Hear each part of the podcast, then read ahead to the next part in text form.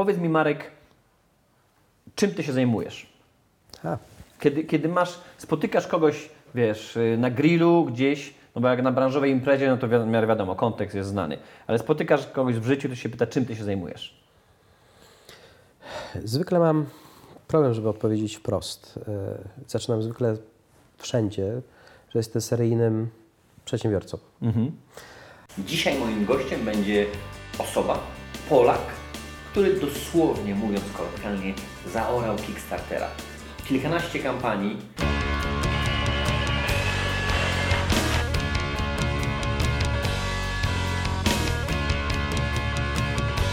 Cieszę się każdym dniem. Zawsze jestem na tak. Nie boję się być szczęśliwa. Zawsze to jest najtrudniejsze, żeby przekonać ludzi do tego, żeby chciało im się chcieć. Zawsze znajdziesz gdzieś okrężną drogę, gdzie, gdzie coś możesz osiągnąć. Zawsze i wszędzie, po prostu możesz wszystko. żadnych kompleksów, międzynarodowe kampanie, zbiórka społecznościowa na całym świecie, a dlaczego by nie? Marek to potrafi, ma wspaniały team ludzi, ma rewelacyjne pomysły i bardzo fajne, świeże podejście do marketingu i do biznesu. Koniecznie Cię zapraszam, weź długopis, coś do notowania, nagrywaj notatki głosowe i później koniecznie stosuj tę wiedzę, ponieważ takie know-how od praktyka jest najważniejsze. Zapraszam serdecznie. Powiedz mi, Marek, czym ty się zajmujesz? A, Kiedy, kiedy masz, spotykasz kogoś, wiesz, y, na grillu gdzieś, no bo jak na branżowej imprezie, no to w miarę wiadomo, kontekst jest znany, ale spotykasz kogoś w życiu, to się pyta, czym ty się zajmujesz? Zwykle mam problem, żeby odpowiedzieć wprost. E, Zaczynam zwykle wszędzie, że jestem seryjnym przedsiębiorcą. I to od razu powoduje, y, że ludzie zaczynają się zastanawiać, co to znaczy seryjny przedsiębiorca. Bo seryjny się kojarzy, wiesz, Wiadomo. tak, morderstwo i tak dalej. Dokładnie. E, praktycznie od 20 lat nic innego nie robię, jak tworzę nowe startupy, tworzę nowe produkty w Polsce i za granicą. Praktycznie e, aż się boję zaglądać do KRS-u, ile w ilu spółkach jestem, Okej. ale gdybym tak popatrzył się z perspektywy, to ogólnie zaczynałem wszystko w firmach amerykańskich. Takich, można powiedzieć, z, oczywiście nie w pokoleniach mileniasów znanych, ale trochę starszych, właśnie jak firmy Divix, e, od kodeków, e, gdzie praktycznie e, mały startup z Kalifornii w San Diego zrobiliśmy IPO na Nasdaqu. A BitTorrent No bo teraz mówisz Divix, Divix. Divix, Divix, tak. BitTorrent. Troszeczkę zarobiłem pieniądze z tego. Nauczyłem się, jak zarabiać na kolokwialnie literkach. Ale poczekaj, bo od razu przechodzimy w głąb. Czyli wtedy co? Marek ma lat ile? Dwadzieścia kilka? Skończył jakieś studia? Tak, I jak, jak zaapuje robotę przez internet? Wiesz co, u mnie, gdybyśmy tak popatrzyli się właśnie skąd ta pierwsza praca była, ja pracując w Polsce tak historycznie w Dzienniku Polskim, pisałem artykuły na temat różnych rzeczy, czyli praktycznie całkowicie nie branża Czyli, komputerowa. czyli zaczynałeś jako redaktor, tak? Redaktor, tak. I wysyłali mnie w różne miejsca. No to pojechałem do Turcji napisać na temat właśnie Polaków, którzy spędzają tam czas. Wysłali mnie do Anglii, do Londynu, żeby napisać o pierwszych szkołach języka angielskiego, gdzie Polacy, też zanim weszliśmy do Unii, e, spędzają czas, żeby uczyć się tego języka. No i z różnych przyczyn, również sercowych, postanowiłem zostać. I zostałem 3 lata. W UK, tak? Tak.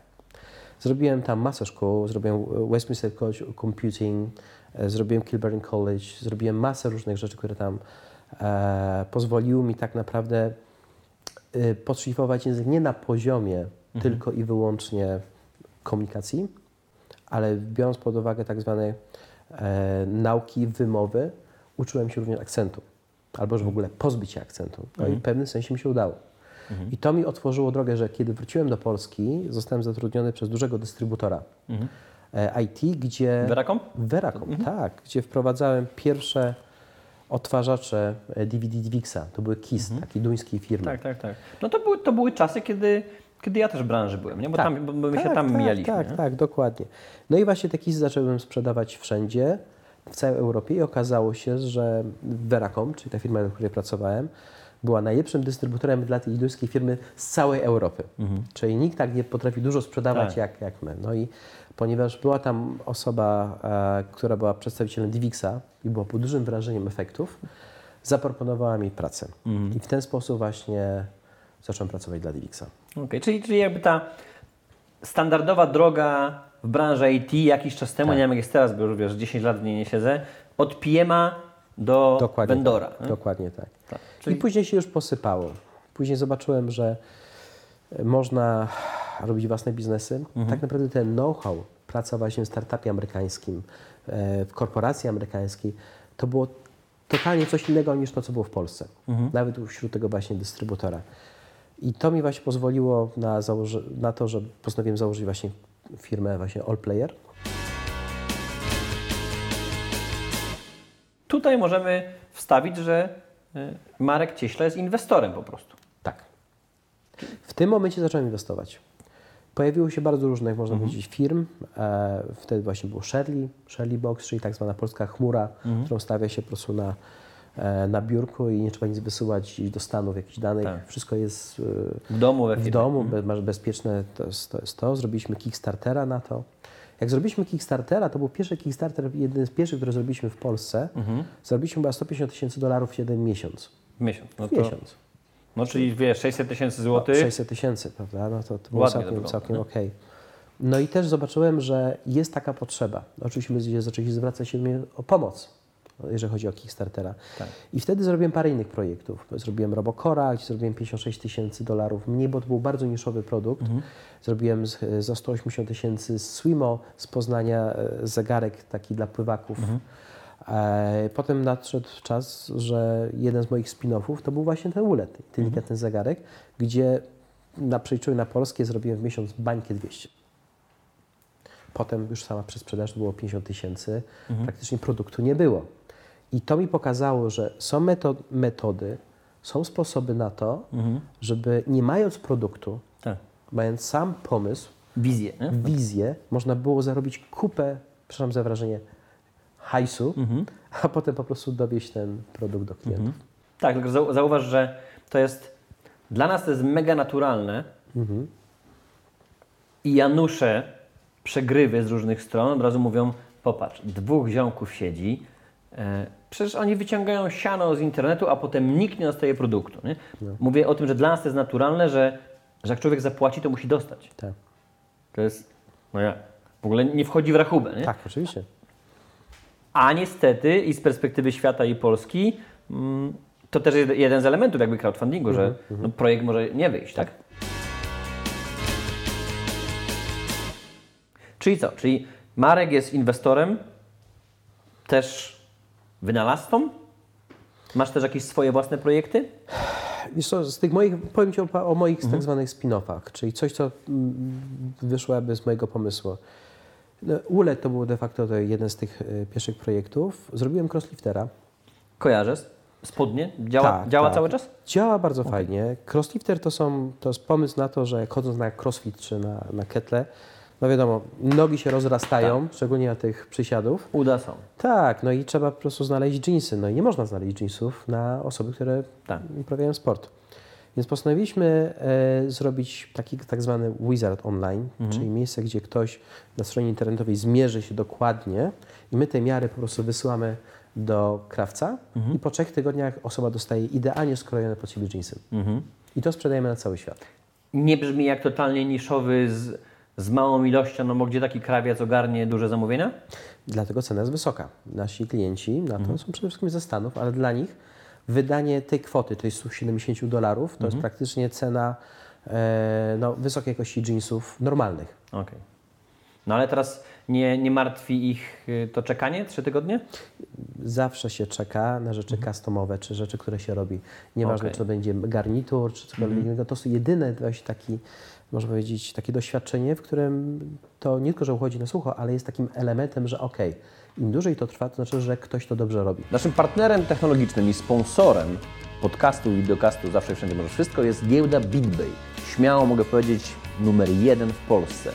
Giełda, która ma potężny wolumen, co jest bardzo ważne dla nas, jeżeli chcemy kupić i sprzedać szybko kryptowalutę, jak i również niezwykła ekipa, która poświęca swój czas i energię, żeby nas edukować i pokazywać nam, co jest możliwe w tym nowym dla wielu z nas świecie krypto. A więc dziękuję bardzo firmie BitBay za to, że jest naszym partnerem i sponsorem, a dzięki nim możecie właśnie te krótkie wersje wywiadów zarówno oglądać, jak i słuchać w sieci Powiedz mi, jak w takim razie ogarniasz taką ilość biznesów? No tak jak mówisz, Tak. sam się śmiejesz, że nie wiesz ile w KRS-ie jest różnych spółek. To, no to jak to ogarniasz? Y, Ja zawsze na usta mi się ciśnie takie przysłowie żydowskie o tym, jak przychodzi właśnie Żyd do, e, do swojego doradcy i mówi mu, że kurczę, ma ten małe mieszkanko i kurczę, co ma zrobić? Czy ma się wyprowadzić z niego, czy nie? No mówi, żeby właśnie do tego mieszkanka prowadził owce. I za każdym razem, jak przychodził, bo problem nie był rozwiązany, to mu tam dopychał coraz więcej. I w, na dziesiątym, w dziesiątym dniu powiedział, to wypuść wszystkie zwierzęta. Kiedy wszedł do środka, mówi, no Rabi, kurczę, no tutaj jest tyle miejsca, że nie wiem, co, dzięki śliczne. Więc to jest bardziej kwestia jest zarządzania czasem, e, postawienia sobie priorytetów, a z drugiej strony delegowania. Bo jeżeli ktoś ma tak zwany, my to nazywamy control issue, i po prostu chce wszystko kontrolować od A do Z, Ale to znowu jest młodość według mnie. to jest młodość. To jest nieprzerobione ego, to jest cwaniactwo, to tak, muszę być tak. potrzebny, Muszę być potrzebny, wszędzie muszę tak, dotknąć tak, tak. palcem. to wtedy robi się ten problem. Jeżeli stawiamy na to, że nauczymy, pokażemy, w którym kierunku jest ta ścieżka rozwoju, żeby ta osoba sama dochodziła Mhm. do pewnych rzeczy, to wszystko jest ok. Oczywiście ten kontrolnik jest ważny, ale nie na zasadzie takiego, żeby stać nad nimi co Nie daily control, Nie, nie? nie daily, daily control to jest po prostu najgorsze, co może Bez być. sensu. Raz w Ile? Raz w tygodniu, tygodniu, raz w miesiącu? Mhm. Raz, raz w tygodniu rob- robimy tak zwane sprinty, spotykamy się, sprawdzamy, co jest zrobione, co nie. Ogólnie y, staram się wydobyć z rynku gwiazdy. Gwiazdy, żeby zrobić z nich tak zwanych prezesów zarządu, żeby oni mogli już sami ciągnąć, a żebyśmy mogli sprawdzać. Oczywiście ja się nie znam na wszystkim, to jest proste. Ja zawsze staram się znajdować, jak to mówi się, w pokoju z osobami mądrzejszymi od siebie i otaczać się takimi. To jest jakby moje takie motto. E, więc jeżeli ja się na czymś nie znam, kupuję tą usługę na zewnątrz, nawet jeżeli cholernie jest droga.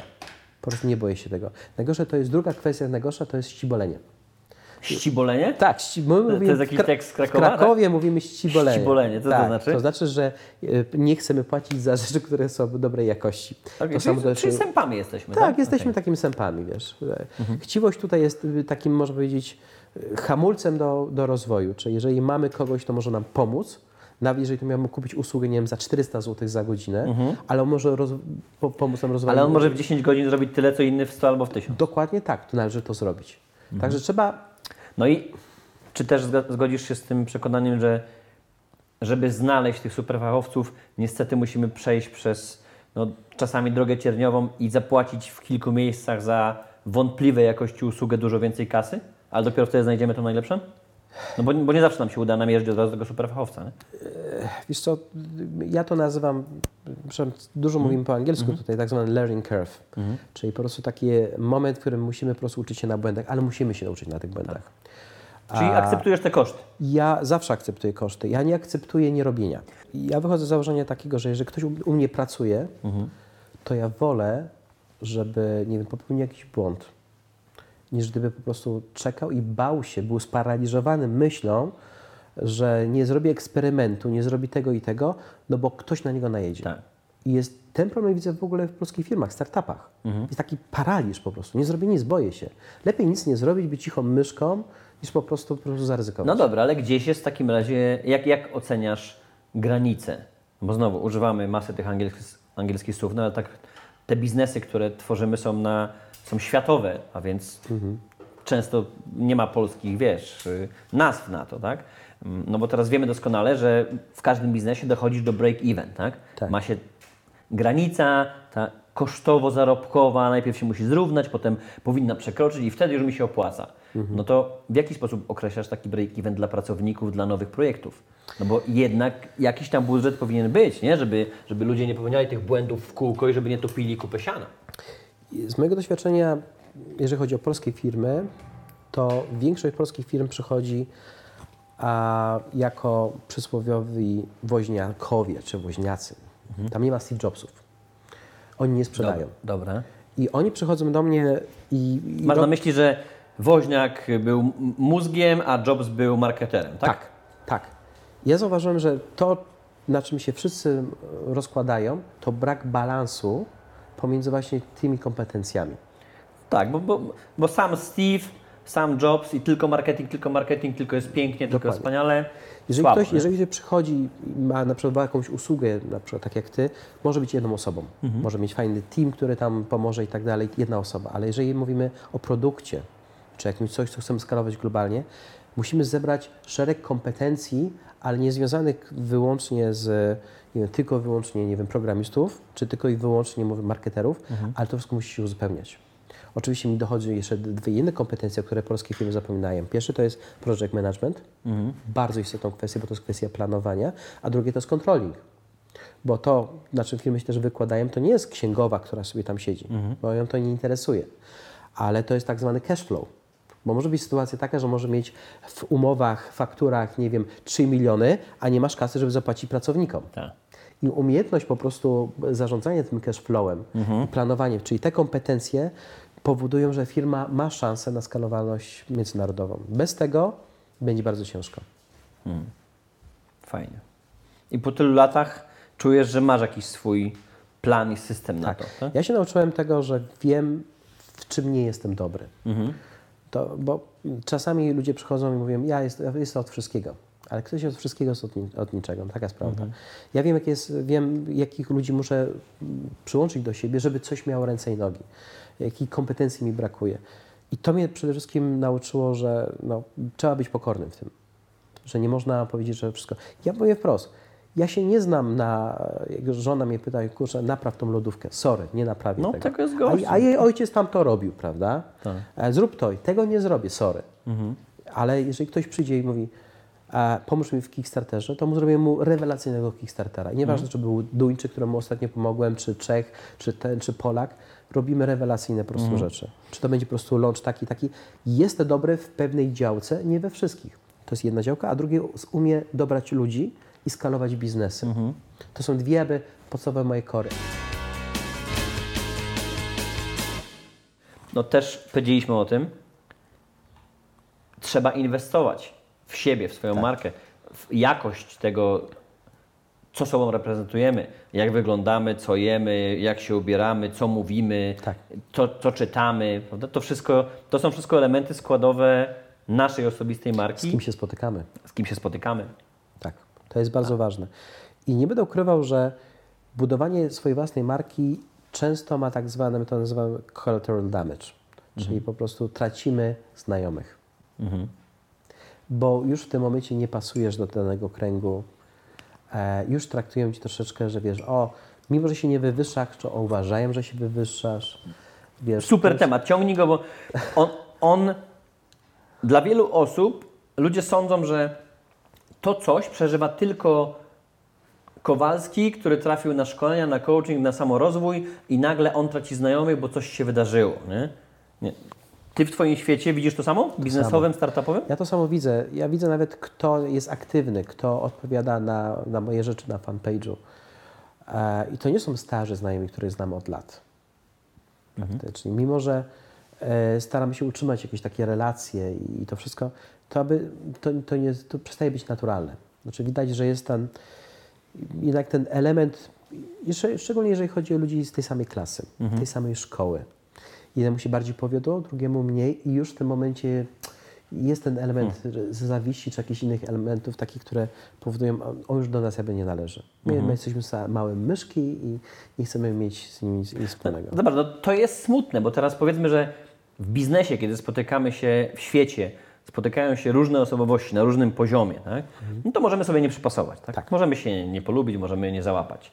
Ale jeśli wcześniej się lubiliśmy, przebywaliśmy ze sobą, mieliśmy jakąś relację i teraz to, że jednemu z nas się udaje, no to przecież to dla mnie to jest tak naturalne, że w ogóle super, udaje Ci się, podpowiedz mi coś, jak Ci się udało, powiedzmy, że nawet, o, komuś się zaczyna tak naprawdę udawać i mu, wiesz, że mu biznes, sukces za sukcesem wyjeżdża po świecie, a więc tracisz kontakt z przyjaciółmi na rok, dwa, trzy, no bo zabrało cię, zabrało cię życie, nie? No to w tym czasie, kurde, nie strzelam focha, ale czekam aż wrócisz z tą wiedzą i siadam i, i, i słucham głodny opowieści, nie? Jak myślisz, czemu ludzie tego nie robią? Wiesz co, bo mi się wydaje, że y, ludzie są przyzwyczajeni do tego, żeby mm, żeby cała Twoja uwaga była skierowana na nich. Jeżeli ta uwaga po prostu zaczyna być, nie wiem, przerwana lub Ty zaczynasz rozmawiać z innymi osobami, właśnie czują się troszeczkę odrzucony, odrzuceni tutaj. I to jest też jeden z takich elementów, który ja zauważyłem w swoim doświadczeniu, bardzo mocno po prostu istnieje. Mocne, mocne. No to jak znaleźć, Marku, mm, w sobie tą siłę, żeby bez względu na te wszystkie sytuacje dalej cisnąć i robić to, co się umie najlepiej? Mi się wydaje, że przede wszystkim musisz mieć dystans do siebie. To trzeba zacząć od siebie, na, na, według mnie. Czyli określić sobie, w czym jestem dobry, ale tak naprawdę w czym nie jestem dobry. I otaczać się ludźmi, tak jak powiedziałem wcześniej, którzy są od siebie mądrzejsi, lepsi w danej rzeczy, żeby te kompetencje po prostu zdobywać. Żeby, Okej. żeby otaczać się po prostu i budować tą całą siłę jako e, kompleks e, rozwiązań, które ci pchną, e, pchają do przodu. To jest jedna, jedna rzecz. Następna kwestia to jest y, wierzyć w ludzi. Nie, to jest coś takiego, że ja znam, znam ludzi, którzy od razu, e, jak patrzą się na kogoś, to od razu mówią, a pewnie, nie wiem, już coś ukradł, pewnie coś, e, nie wiem, jest po prostu zły od początku tego i, i, i ciężko polemizować z czymś Mhm. No, taki takim. mają ale, świat, to to ale, ale tak po prostu y, i oni się po prostu z drugiej strony boją pewnych rzeczy robić, podejmować te decyzji, bo wiedzą, że jak coś zrobią, to pewnie ktoś ich ukradnie. Jak przyszedł do mnie po prostu córka wynalazcy, który chciał pójść na Kickstartera z rowerem, który pokazany był w telewizji, który super się składał, czyli normalne duże koła, ale tak się składa, że praktycznie wsadzasz go wszędzie. No i ten ojciec tak się bał, że po prostu ktoś mu ukradnie ten pomysł, że nigdy nie wystartowali. Czyli wiesz, e, jest dużo I, projektów i, I projekt do szafy. do szafy. I takich projektów jest masę, które są świetne, rewelacyjne, a ludzie się boją. Finalne pytanie, o którego, które zawsze pytam wszystkich gości. Czyli co, Marek? Zawsze i wszędzie możesz wszystko, czy nie? Z Twojego doświadczenia życiowego. Zawsze, zawsze i wszędzie, według mnie, to jest takie pojęcie, czy są pewne sensie granice, czy ich nie ma. I ja po prostu boję się trochę świata bez granic. Mhm, fajnie.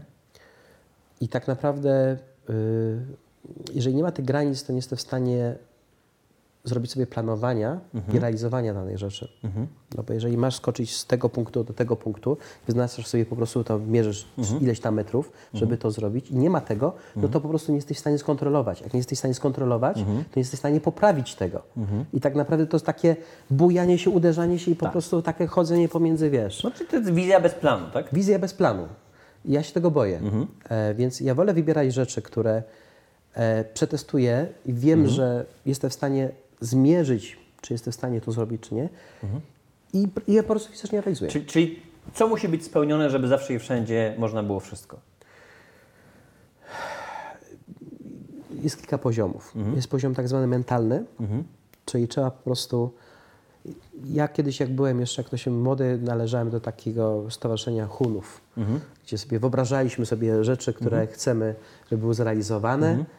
E, I wtedy, kiedy wyobraziliśmy sobie, że już w czasie przeszłym, że to zostało zrealizowane, łatwiej nam było to zrobić, ponieważ nasz mózg, nasz, nasz mózg Tak. po prostu robił wszystko, żeby po prostu do tego dojść. Jeżeli nie jesteśmy nastawieni mentalnie do tego, że to jest, że to, że to jest, Że jest możliwe, że to jest osiągalne. nieosiągalne, to my wpadamy w tą pułapkę tak naprawdę nieskończoności. Tak. Mhm. Dlatego my musimy, to jest ten poziom mentalny, że to już osiągnęliśmy. Mhm. Czyli na przykład mam kogoś z tym, na przykład, nie wiem, dziewczynę, e, którą chcę chodzić, no to ja już sobie ją Mhm. Wyobrażam, że jest moją Że jest żoną, moją żoną tak, i tak tak. dalej, prawda? I to sobie ten pierwszy, pierwszy pułap. E, a drugi pułap to jest właśnie no, określenie tych, tych tak naprawdę priorytetów i, i tych planów. Jeżeli w ramach tych planów, które sobie określimy, e, wszystko i wszędzie się mieści, to jak najbardziej to powinno być zrobione. Ale jeżeli nie ma tego planu, albo nie wiemy, czego chcemy, to, to w tym momencie jest tak abstrakcyjną rzeczą, że nawet e, nie jestem w stanie się by do tego, e, wiesz, do tego podejść. No fajnie, zupełnie inaczej tak technicznie do tego podszedłeś. Bo z, bo z jednej strony, kiedy to mówisz, to dla mnie to jest odpowiedź prosta, tak? Czyli tak, to zawsze i wszędzie możesz wszystko, tylko najpierw musi być poziom mentalny, później musi być poziom planu i realizacji i wybór. I cześć. Dokładnie tak. No tak, Ale ja, ja to wiem. No. Tego mówię, to fajnie powiedziałeś do drugiej strony, typu, no zawsze i wszędzie możesz wszystko. Hmm, no ja nie wiem, no bo ja się boję, ja się boję takich możliwości, a, a znowu bez wyboru to się nie da. Fajnie. Fajnie. Marku, dziękuję bardzo. Dzięki śliczne. Pamiętam, kiedy projektowałem kampanię Hejteholika, która w tamtym okresie stała się największą kampanią crowdfundingową w Polsce. Wiele osób mówiło, że jest to trudne, że jest to nierealne, że jest to niemożliwe, że się nie da. Mam nadzieję, że po dzisiejszym wywiadzie z Markiem wiesz doskonale, że to samo się tyczy rynku zagranicznego. Między nami mówiąc, ja uważam, że to jest nawet łatwiejsze, ponieważ ludzi na świecie jest dużo więcej niż w Polsce. A więc odpowiednie przygotowanie, odpowiednie podejście, brak kompleksów, know-how i trzymam kciuki. Możliwe, że i Twój projekt, Twoja idea, Twoja wizja może być zrealizowana tylko dlatego, że masz odwagę ją pokazać światu i poprosisz o wsparcie innych ludzi, którzy myślą podobnie jak Ciebie, którzy mają podobne podejście do świata. Trzymam kciuki i pozdrawiam serdecznie. Michał Wrznek.